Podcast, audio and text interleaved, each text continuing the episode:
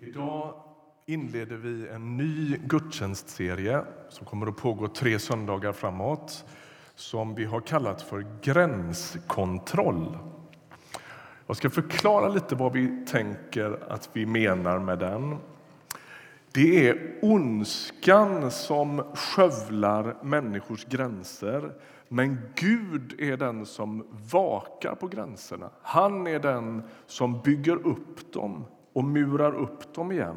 Han önskar hjälpa oss med både vår egen integritet och med andras integritet. I skuggan av alla berättelser som vi har hört de senaste åren om sexualisering, objektifiering, maktspråk, gränslöshet i relation till andra människor så skulle vi vilja i den här serien få adressera och fundera över hur eh, möter Jesus människor? Hur gör han i mötet med en människa som kanske är sårad och sargad på integritetens område? Och hur botar han det? Och i djupast sett handlar detta naturligtvis om hur följer vi honom i det?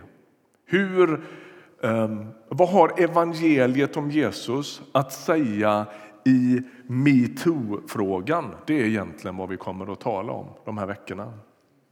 Gränslösheten den är inte ett uttryck för Guds rike. Gränsöverskridandet är ofta det. Vi kommer tillbaka till skillnaden mellan dem. Men i ett postmodernt samhälle och i en postmodern kultur som vi lever i så uppfattas ju oftast gränser som något negativt. Ingenting ska begränsa mig. Eh, ingen ska komma här och, och liksom säga att det där och det där inte går. Allting går. Allting kan man, allting får man på något sätt. Och jag tänker att ett av de liksom mest smärtsamma uttrycken för den gränslösheten är det vi lyssnat till i alla de där metoo-berättelserna. Gränslösheten är inte alltid god. Idag så tänker jag så här. Jag skulle vilja ta med dig till tre stycken berättelser i evangelierna där vi lite summariskt ska försöka se hur Jesus möter just kvinnor. Och Jag gör det för att försöka liksom teckna en bild av hur han, först innan jag gör det, innan vi går in den första av de tre berättelserna, så vill jag få säga några saker. Jag tänker så här, vi behöver förstå de här berättelserna utifrån att Jesus lever i ett patriarkalt samhälle. Det är också en skamkultur med väldigt starka hedersinslag i Jesu omvärld. Och på den här tiden finns det alla möjliga idéer om kvinnans roll i det samhället. Det kan låta helt absurt, men det fanns en diskussion bland en del judiska rabbiner om huruvida kvinnan hade en själ eller inte. Alltså om hon var en fullvärdig människa eller inte. Det låter inget fräscht, men det var, och det var det naturligtvis inte heller. Men det fanns ett sånt samtal bland vissa judiska religiösa lärare om de inte är fullvärdiga människor så är de ju någon slags lägre stående varelse som därmed skulle kunna behandlas lite mindre respektfullt och som i så fall inte heller kan frälsas. Sånt diskuteras under Jesu tid. Och Låt oss ha det lite i bakhuvudet när vi funderar över sprängkraften i hur Jesus möter människor. Är ni med på att det är i den kontexten och i den miljön som de här berättelserna utspelar sig? Då går vi till den första. Och Det här är inga liksom, chockerande exempel. Du kommer att kunna förutse ungefär var jag, var, vart vi går nu. Men den första är berättelsen om den samariska kvinnan som finns i Johannes fjärde kapitel. På brunnskanten i Samaria så möter Jesus en utsatt, utstött kvinna. Hon går till brunnen när hon garanterat inte ska möta någon annan. Alla i byn där går naturligtvis till brunnen när det är så svalt som möjligt, men hon går dit mitt på dagen. Vem är den där kvinnan? Och vad bär hon på? För det första är hon del i ett föraktat folk. Jesus går genom Samaria, vilket är lite anmärkningsvärt. För att normalt sett skulle en judisk man bestämma sig för att gå runt Samaria och inte igenom. Man gick inte dit, helt enkelt. Det fanns en djup, djup splittring och reva mellan det judiska folket och samarierna.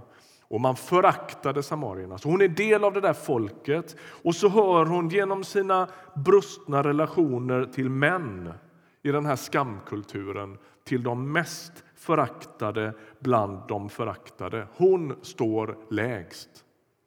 Hon är kvinna, vilket är ett problem i sig självt i den där kulturen hos en del. Hon är samarier och hon är djupt misslyckad i andra människors ögon när det gäller sexualitet och relationer. Hon står lägst. Vad har det gjort med henne? Hur kommer det sig att livet har tagit en vändning som det har tagit? Vi vet ju inte det, men man skulle kunna gissa sig fram lite grann. Risken finns ju att hon i sin jakt på att vara sedd bekräftad och älskad har gått vilse. Kanske rusar hon in i den första relationen med en man och så går inte det vägen. Och redan då känner hon av skammen. I sin iver att vara sedd och bekräftad så fastnar hon i någon sorts destruktivt mönster. Jag känner av skammen, jag måste bota den genom att bli sedd. Och så går hon in i nästa relation och så är hon fast på något sätt i en destruktiv ond cirkel. Hon går sannolikt till brunnen när alla andra är frånvarande på grund av sin skam och på grund av sin skuld. Och till sist, när livet har trasslat till sig så rejält så att ingen, allra minst hon själv, tror på förändring så blir tillvaron en fråga om överlevnad. Att sträcka på ryggen är för länge sedan glömt. Hon försöker bara överleva. Ser ni henne? Fattar ni? Hon, är, hon viker med blicken, hon blir aldrig inbjuden, hon är inte med, hon är alltid vid sidan om. Och så möter Jesus henne precis där hon befinner sig. Och notera då i den här berättelsen, en ganska lång berättelse, vi läser inte den nu. Du som inte är bekant med den, Sök upp en bibel och läs Johannes 4, en ganska lång berättelse. Och notera i den att Jesus inte spelar på den sträng som andra män allt för ofta har spelat på i hennes liv. Han verkar inte vara ett hot mot henne. De inleder ett samtal två människor emellan och det finns liksom inte alltihopa det här som har kodat alla hennes relationer. Det rör sig inte i det där samtalet. Det är värt att notera, på tal om metoo och allt vad det har liksom hjälpt oss att se, att Jesus, singelman på 30 år, inte objektifierar henne. Det är värt att notera att han inte gör henne obekväm. De finns i en skamkultur. Det är inte egentligen riktigt okej okay för honom att prata med en ensam kvinna. Men han gör det ändå. Och Han verkar vara så hemma i sig själv. Han verkar vara så liksom, på det klara med vem han är. Så han blir inget hot mot henne. Han, blir ingen, han tränger henne inte, han gör henne inte obekväm. Snarare verkar hon bli avspänd och så talar hon med Jesus utan fruktan. Jesus förminskar henne inte, han sexualiserar henne inte, han objektifierar henne inte. Han för ett samtal med henne som är fullt av respekt. Han ser henne och så bekräftar han hennes värde som människa. Det är värt att bara stanna lite inför det. Vilken annorlunda upplevelse för den här kvinnan. Å ena sidan är ju Jesus här en gränsöverskridare. Han går in i Samaria och han gör det som inte liksom var kulturellt accepterat. Han korsar en gräns. Men i relation till den här kvinnan så är det snarare så att han murar upp de gränser som andra män har forcerat och skövlat. Ser du det? Genom, hennes, genom hans sätt att respektera henne så murar han upp hennes raserade gräns. Han murar upp hennes identitet, han murar upp hennes integritet. Och Det är intressant att det i vers 29 här så står det så här. Hon springer in i byn. Vilket ju är märkligt. Hon brukar ju inte vilja träffa någon. Så springer hon in i byn och försöker prata med alla hon, kommer, kommer, hon hittar. Och så säger hon kom så får ni se en man som har sagt mig allt som jag har gjort. Kan han vara Messias? Och tänker jag, vad är det för en konstig kommentar? En man har påmint mig om allt som jag har gjort. Det måste ju vara hennes livs historia. Vilka har inte påmint henne om allt hon har gjort? Men det är som att det sker något annat här. Jesus adresserar henne på ett annat sätt. Han binder henne inte, han sätter henne fri. Hon, blir, hon får räta på sin rygg och så blir hon verktyget som får hela byn att få upp ögonen för Jesus. Och vet du vad jag tänker? Jag tänker att om någon i våra dagar i byn där hon växte upp doktorerar i kyrkohistoria, då är hon deras Ansgar. Hon är deras Paulus, hon är deras Sebbe Staxet. Är du med? Hon har fått sitt liv förvandlat och hon kliver in i byn och säger Kom, får ni se, jag tror det här kan vara Messias. Ser ni vilken enorm förändring och vilket skifte i hennes liv? Hon har inte velat möta någon och nu blir hon hela byns missionär. Vi går till nästa berättelse. Några kapitel senare, i kapitel 8 i Johannesevangeliet släpar man fram en kvinna till Jesus för att sätta honom på prov. står Det Det sker med noll respekt för den här kvinnan. Hon är egentligen bara en bricka i spelet för de här religiösa ledarna. Hänsynslöst slänger de den här kvinnan framför Jesu fötter och så är de sugna på att stena henne på grund av hennes äktenskapsbrott. De talar om henne, men inte en enda gång i texten talar de med henne. Det står att hon har tagits på bar gärning när hon begick ett äktenskapsbrott vilket ju brukar innebära att två människor är inblandade. Men i vanlig ordning är det kvinnan som släpas inför rätta. Då står det att Jesus böjer sig ner och sakta ritar i sanden med sitt finger. Det finns många bibelforskare som har funderat på vad det stod i den där sanden. Det framgår inte i texten. Vad är det han skriver? Listar han ledarnas synder? Kanske liksom, avslöjar han en massa saker som ingen vet. Ni vet vad spännande. Så här. Jag är inte säker på att det är det som är poängen. Johannes utlämnar vad som står i den där sanden och kanske är det lite medvetet. Det kanske är själva ritandet som är budskapet. I Gamla testamentet, i Jeremia bok, så står det så här. De som avfaller från mig liknar en skrift i sanden. Så står det. Deras brist på barmhärtighet deras oförmåga att se en människa skapad i Guds avbild, deras objektifiering, översitteri, dömande och gudlöshet avslöjar dem. Det vi betraktar i den här scenen är ett avfall. Det verkar vara det Jesus försöker säga. Det här är så långt från Guds hjärta att det blir gudlöst. Och så vänder sig Jesus till kvinnan och ni vet vad som händer. Det är ju den här berättelsen när han säger den som är utan synd kastar första stenen. Och så troppar de här judiska ledarna av en efter en för de inser att de inte kan det. Och så vänder han sig till kvinnan och talar med henne. Det har hittills ingen i den här berättelsen gjort.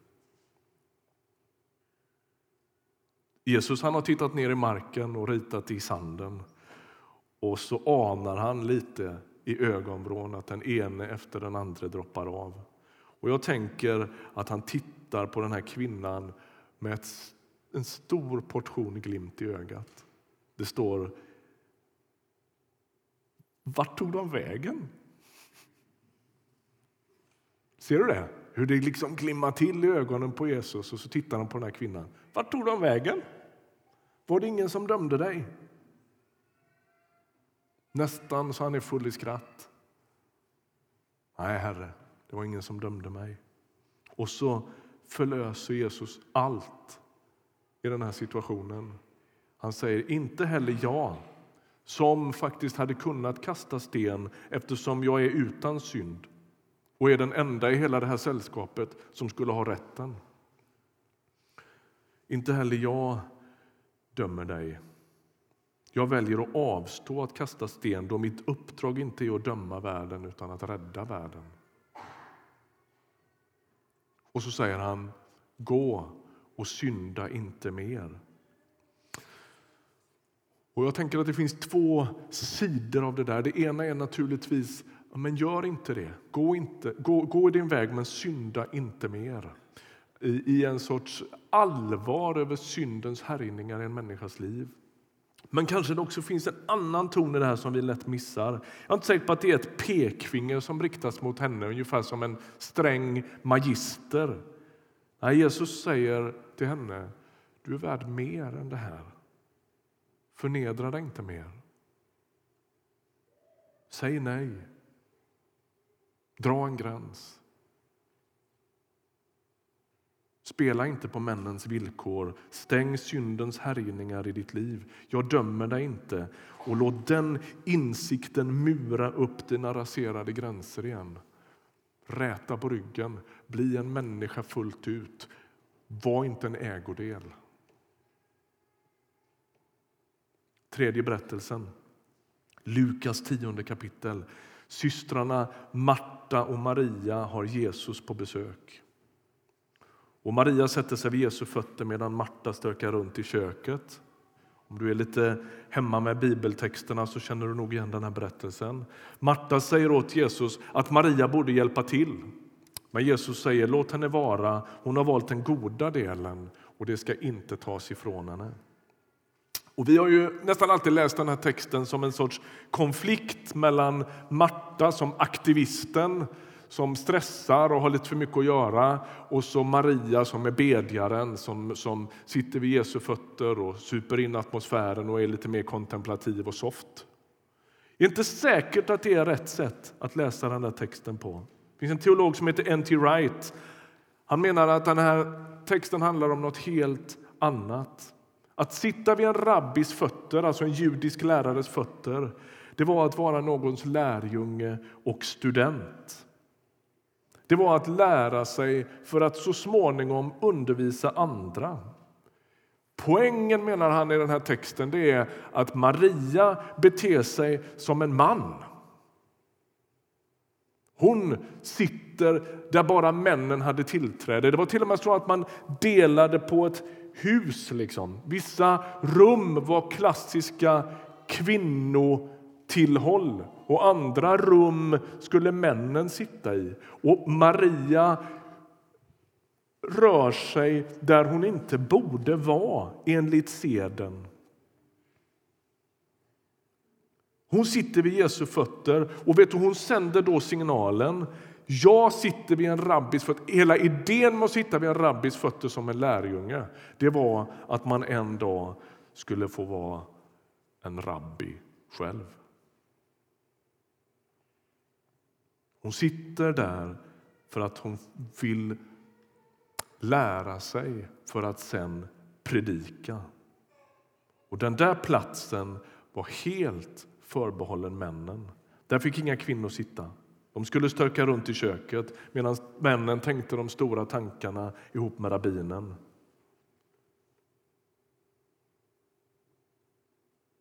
Vad är det Marta säger egentligen? Hon säger till Jesus, säg åt Maria att veta sin plats. Den är i köket, inte i de teologiska samtalen. Vad gör Jesus då? Han köper inte det. Han säger hon har valt det goda. Det ska inte tas ifrån henne. Min poäng idag den är ju inte att liksom lägga någon sorts kristet raster på en könskamp där vi förstärker motsättningar mellan män och kvinnor. Tvärtom. Tvärtom. Att vi ska förstå att Gud myndigförklarar människor och ger dem sin raka rygg tillbaka. Gud bryter in i en människas liv som har varit marginaliserad, ifrågasatt, misstänkliggjord eller föraktad och säger du kan sträcka på dig. Jag vill hjälpa dig att vårda dina gränser, jag vill hjälpa dig att mura upp dina murar. Du har blivit, dina gränser har blivit skövlade och evangeliet bryter in i ditt liv och murar upp dem igen.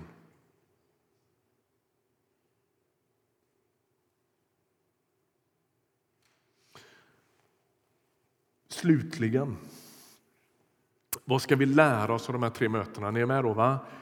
Kvinnan vid brunnen med allt vad hon bär med sig av, av bagage. Äktenskapsbryterskan som håller på att dör för att religiösa eliten stenar henne vilken minut som helst. Och så Maria som sätter sig vid Jesu fötter för hon längtar efter uppdraget, tjänsten, de, teologin, gudslivet. Hon, hon vill vara där och Jesus ger henne rätt att vara där. Vad lär vi oss av mötena? Först och främst Jesus möter tre kvinnor med den djupaste respekt. Han ser dem som individer och inte främst som kvinnor egentligen på det sättet med, med dåtidens liksom, indelningar och värderingar och, och liksom, sådär. De verkar helt trygga med honom. Han sexualiserar dem inte, han objektifierar dem inte. Det finns inte en enda kommentar i de här texterna om deras utseende. Han klär aldrig av dem med blicken. Han rör inte vid dem på ett olämpligt sätt.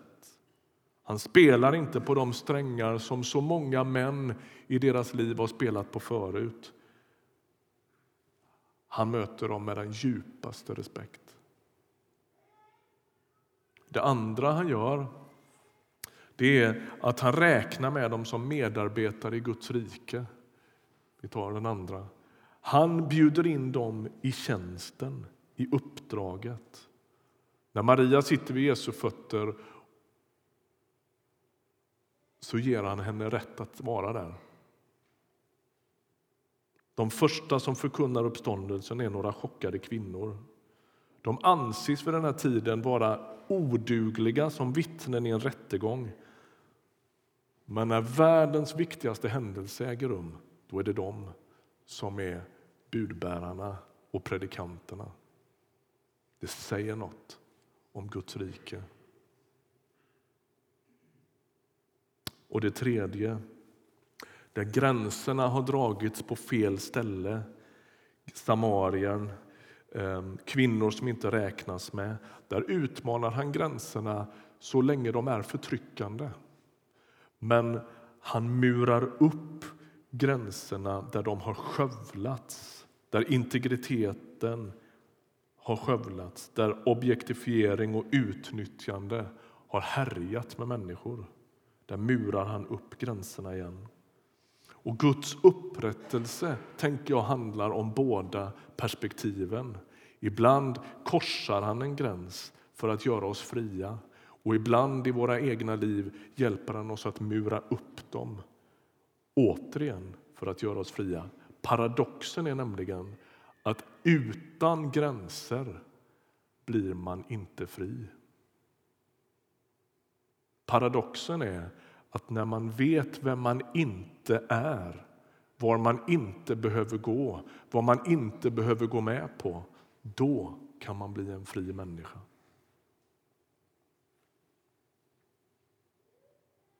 Slutligen, du som finns här idag oavsett om du är kvinna eller man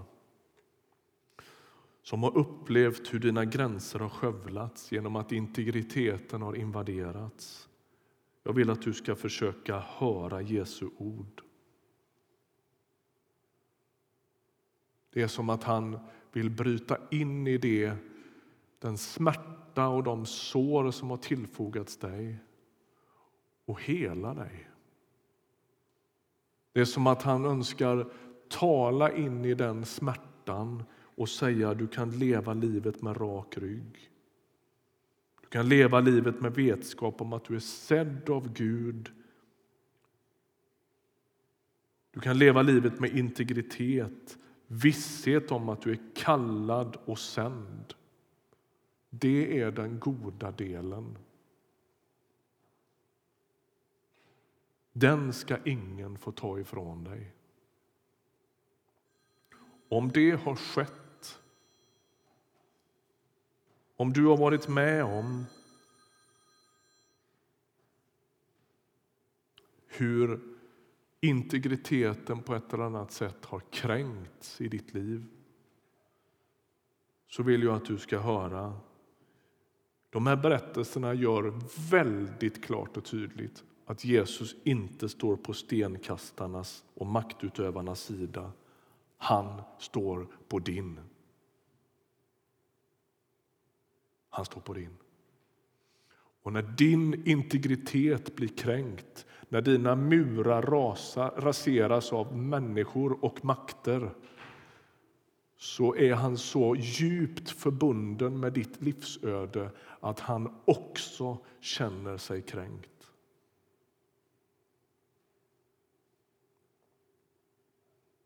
Han önskar hjälpa dig att mura upp dina skövlade gränser igen. Amen. Vi ber tillsammans. Jesus Kristus.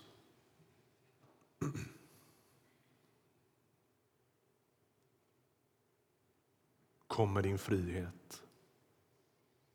Kom med ditt helande. Kom med ditt ljus.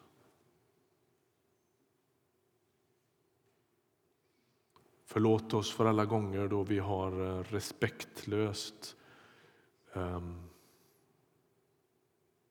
hängett oss åt maktspråk och ovarsamhet i relation till våra medmänniskor. Vi ber dig Jesus, låt oss få följa tätt i dina fotspår. Du som alltid kommer med frihet. Du som alltid utmanar bundenheten.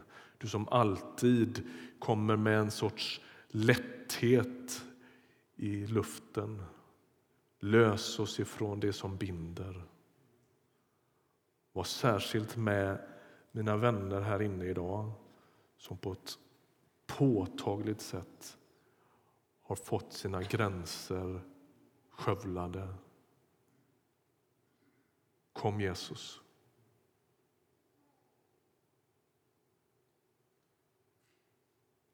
Vi bjuder in dig, du som är så respektfull, du som är så varsam, du som är så barmhärtig och kärleksfull.